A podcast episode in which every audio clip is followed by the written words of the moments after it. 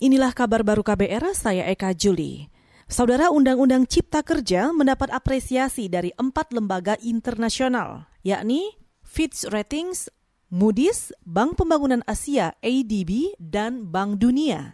Hal ini diungkapkan Menteri Keuangan Sri Mulyani saat konferensi pers virtual APBN kita. Menurutnya, empat lembaga tersebut menilai Undang-Undang Cipta Kerja bisa mendukung pemulihan ekonomi Indonesia jangka menengah dan jangka panjang.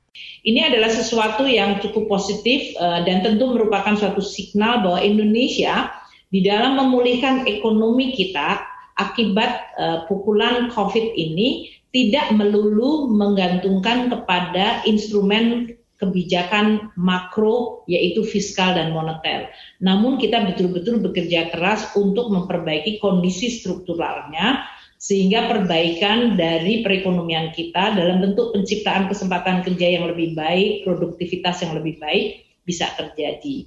Menteri Keuangan Sri Mulyani menambahkan, masalah lingkungan hidup juga menjadi sorotan, khususnya oleh lembaga rating Moody's. Lembaga ini meminta pemerintah Indonesia memberi perhatian terkait pelonggaran standar dan pelaporan lingkungan hidup.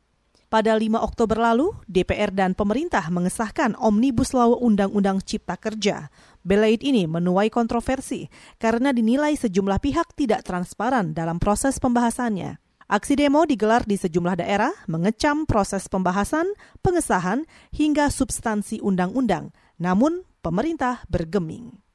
Kita ke Jawa Barat pemerintah Kabupaten Cirebon mulai memproduksi plasma darah dari hasil donor penyintas COVID-19.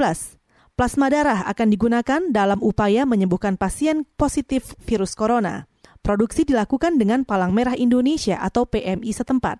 Dua orang yang sedang menjalani terapi plasma darah adalah pasien yang tengah menjalani perawatan di Rumah Sakit Umum Daerah Walet dan di Rumah Sakit Mitra Plumbon.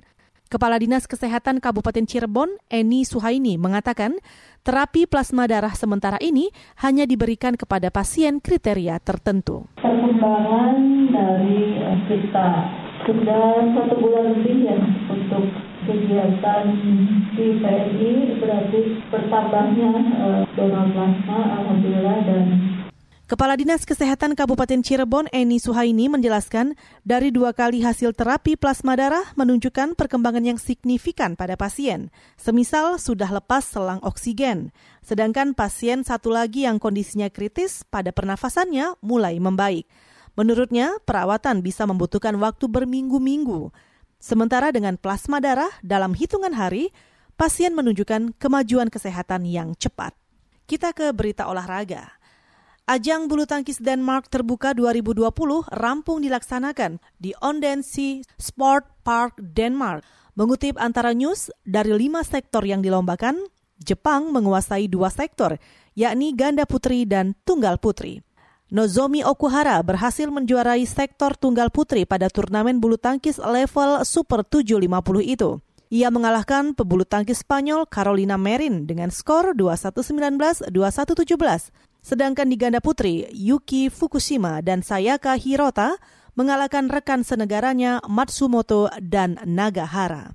Untuk ganda campuran dimenangkan pemain asal Jerman Mark Lamses, Isabel Hattrick, mengalahkan duet pebulu tangkis Inggris Chris Edcock dan Gabriel Edcock. Untuk ganda putra dimenangkan Marcus Ellis Chris Lengdrit. Sedangkan tunggal putra dimenangkan wakil tuan rumah Anders Antinson mengalahkan rekan senegaranya Rasmus Gemke. Dan mark terbuka adalah turnamen pertama yang digelar di tengah wabah COVID-19.